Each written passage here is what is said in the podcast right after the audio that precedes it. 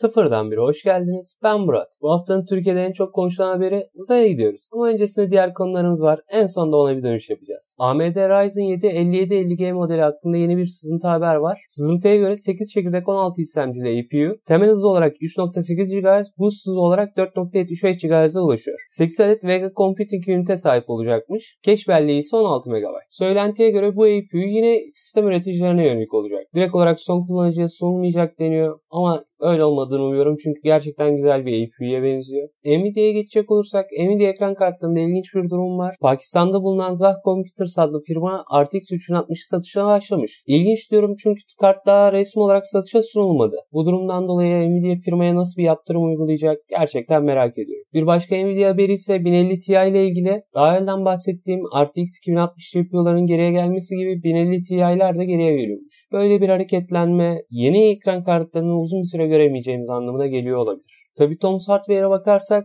ikinci çeyreğin sonuna kadar bir iyileşme olmayacakmış kartlarda ya da bulunabilirlikte. Açıkçası benim 2021'in sonuna kadar pek umudum yok çünkü pandemiden dolayı diğer sektörlerde ihtiyaç duyulan çipler için fabrikalar çok daha fazla çalışıyor olacak. Mesela otomotiv sektörü var, uçak sektörü var, sağlık sektörü var. Bir de tabii bunların yanında server ya da şirketler bölgesi dediğimiz bölge var. Bu yüzden son kullanıcıya gelene kadar önce aciliyeti olan sektörler halledilecek. Ondan sonra daha karlı olan bölge halledilecek. Son kullanıcı gerçekten çok çok geride kalacak gibi duruyor. DLSS tarafına bakarsak ise işler birazcık ilginçleşti. DLSS belli bir çözünürlükteki çizimin daha yüksek bir çözünürlüğe yapay zeka ile aktarılması. Bu teknoloji aynı güçteki ekran kartlarıyla daha yüksek performanslar alabilmemizi sağlıyor. Geçtiğimiz haftaya kadar Nvidia'dan bunun için onay alınması gerekiyordu. Artık en azından Unreal Engine bölgesinde bu onay kalkmış durumda. Unreal Engine'de direkt olarak alabiliyorsunuz. Bu adım teknolojinin daha hızlı yayılmasını sağlayacaktır. Ama AMD tarafından gelecek bir cevap var. Onun ne kadar sürede geleceğini bilmiyoruz. Söylentiler önümüzdeki ay içerisinde geleceği yönünde. Tabi Nvidia burada kendi teknolojisinin daha yaygın kullanılmasını istediği için böyle bir şey yapmış olabilir. Ne olursa olsun sonuç bizim için iyi olacaktır. Çünkü hangi tarafın teknolojisi kabul edilirse edilsin sonuç olarak diğer taraf o teknolojiyi kendi sistemine entegre edecektir. Son Nvidia haberi laptop bölgesinden geliyor. Nvidia'nın Max-Q serisi ekran kartlarının özellikleri listesine yaptığı değişikliklerden sonra hangi laptopta hangi performans aralığı alınabilecek cidden bilinmiyordu. Görünüşe göre Nvidia bu konuda üreticileri birazcık gererek kullandıkları versiyonun teknik bilgilerini özellikler listesine eklemelerini zorunlu kıldı. Ya da en azından bunun üzerinde çalışıyor. Şu ana kadar Asus dışında bu şartlara uyan bir firma olmadı. Firmalar ne kadar sürede bu şartlara uyarlar merakla bekliyorum. Söylentilere göre Xbox Series X ve Series S için önümüzdeki haftalarda açıklanacak bir güncelleme var. Hatta büyük ihtimalle önümüzdeki hafta içerisinde açıklanması bekleniyor bu güncellemenin. Güncelleme eski Xbox oyunlarının yeni konsollarda çalışmasına imkan sağlayacakmış. Ve bunun eski oyunlar üzerinde performans artışı sağlayacağı söyleniyor. Mesela 30 FPS ile çalışan oyunların 60 FPS ile 60 FPS ile çalışanların 120 FPS ile çalışacağı gibi. Ama söylentide hangi oyunların bu güncellemenin kapsamı içerisinde olacağına dair bir bilgi yok. Intel bir süredir piyasa payını kaybediyordu. Sonuçta AMD gerçekten güçlü ürünlerle ortaya çıkıyordu. Ama 2020'nin son çeyreğindeki açıklanan büyüme payları birazcık farklı oldu. Server piyasası hariç piyasa payını arttıran firma Intel olmuş. Bu bilgi Mercury Research'tan geldi. Sebep olarak gösterilen ise AMD'nin birden çok sistem için işlemci üretmesi gösteriliyor. Mesela Xbox'lar,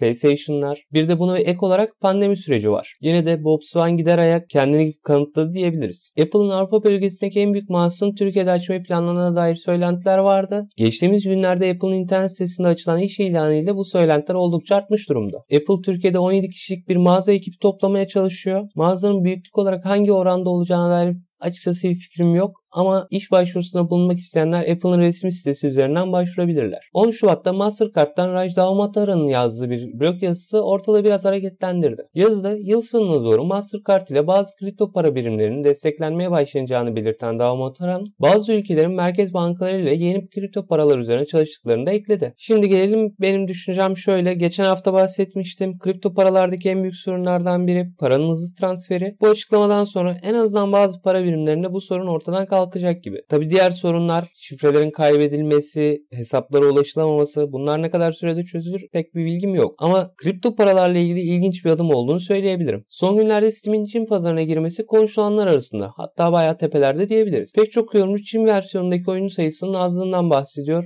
Açıkçası bu kadar yüksek sansürün uygulandığı bir ülkede az sayıda oyunun olması hatta şu anda gördüğüm sayıya baktığımda oldukça yüksek sayıda oyunun olması beni şaşırttı. Nedeni ise Çin Çin'in çok yüksek miktarda sansür uygulaması. Pek çok internet sitesine Çin'den ulaşılamıyor. Pek çok yayın yapılamıyor. Böyle bir durumda bu kadar oyunun ilk başta onaylanmış olması bile ilginç. Kim bilir belki Steam Çin yönetimini isyan ettirip sansürü birazcık azaltmalarına sebep olabilir. Bu arada CDPR yeniden eklendi. En son 2018'de böyle haberler çıkmıştı diye hatırlıyorum. Yanlış hatırlıyor olabilirim. Şu anki haberlere göre Cyberpunk 2077, Witcher 3 ve yayınlanmamış olan bir Witcher 3 versiyonu ve Gwent oyununun kaynak kodları çalınmış. Bu sene CDPR için hiç iyi gitmiyor desem yeridir. Hızlı haberlere geçelim. İsrail'le Aleph Farms adlı şirket geliştirdikleri 3 boyutlu yazıcı ile hayvan hücrelerinden pirzola bastıklarını duyurdular. Starlink Türkiye'de ön siparişi açıldı. Ön sipariş fiyatı 99 dolar ama aylık ücretlerle ilgili kesin bilgi yok. Bölgeye göre mi fiyat belirleyecekler yoksa global çapta belli bir fiyat mı olacak? Bu konuda netlik yok. TikTok ve Universal Müzik uygulama içerisinde kullanıcıların Universal'a ait olan müzikleri kullanması konusunda telif hakkı anlaşmasına vardıklarını duyurdular. Sinema bölgesinden bir haber var. Başrollerinde Nicolas Cage ve John Travolta'nın bulunduğu 97 yapımı Face Off'un ikincisi duyuruldu. Ubisoft'un AAA oyunlardan daha çok free-to-play bölgesindeki oyunlara yöneleceğine dair söylentiler var ve Facebook'un Clubhouse tarzı bir uygulama üzerine çalıştığına dair söylentiler var. Şimdi gelelim bu hafta Türkiye'de en çok konuşulan habere. Uzaya çıkıyoruz. Belki verilen tarihte olmayacak. Buna kesin bir şey diyemem. Açıkçası o tarihler için sizin beklemiyorum. Ama yörüngeye çıkmak için ihtiyaç duyulacak olan aletler listesine bakarsak Parça parça bunları zaten üreten firmalara sahibiz. Özel sektör veya devlet sektöründe. Örnek isterseniz Bayraktar drone üretiyor. Dronlar önemli. Neden? Uzaktan kontrollü cihazlardır dronlar. Ve unutmayalım insanlı uçuşlardan önce insansız uçuşların yapılması lazım. Bunlar için de uzaktan kontrol mecburiyet. Diğer açıdan yıllardan beri zaten kendi uydularımızı tasarlıyoruz. Aselsan bu konuda gerçekten çok uzman bir yapı haline gelmiş durumda. Bir başka konu Roketsan var. Roketsan bu işin içerisine girdi ve kendileri zaten yıllardan beri biri uzun menzilli hava roketleri üzerine çalışıyorlar. Yani biraz eğlenceli bir şekilde söylemek gerekirse bunların hepsini birbirine yapıştırırsak zaten uzaya çıkabiliriz. Ha bu kadar kolay olacak mı? Tabii ki olmayacak. Bir sürü kaza yaşayacağız. Ama işin doğası zaten bu. Hatta havacılıkta ilginç bir söylem vardır. Havacılıkta bulunan her bir kural kanla yazılmıştır. Sebebi her bir kuralın gelebilmesi için bir kaza yaşanması gerekmiştir. Ama dinleyen herkesten isteyeceğim bir şey var. Şunu unutmayın. Dediğim gibi kazalar bu işin doğasında var olan şeyler. Sonuçta sistemlerin en doğru nasıl işleyeceğini kaza yapmadan öğrenemeyeceğiz. Bu yüzden her yaşanan kazadan sonra lütfen bu iş bitmiştir demeyelim. Sonuna kadar gitmeye çalışalım. Ve dip bilgi şu anda yörüngeye çıkabilen 15 tane ülke var. Daha doğrusu 14 artı Avrupa Birliği. Bütün bunlara bakılınca ilginç bir dönem bizi bekliyor. Hayırlısı olsun. Bu haftanın Epic Games'teki ücretsiz oyunu Helikion 6. Bu haftalık benden bu kadar. Eğer bu konularla ilgilenen tanıklarınız varsa paylaşırsanız sevinirim. Haftaya cumartesi saat 11'de ben yine buradayım. Beklerim.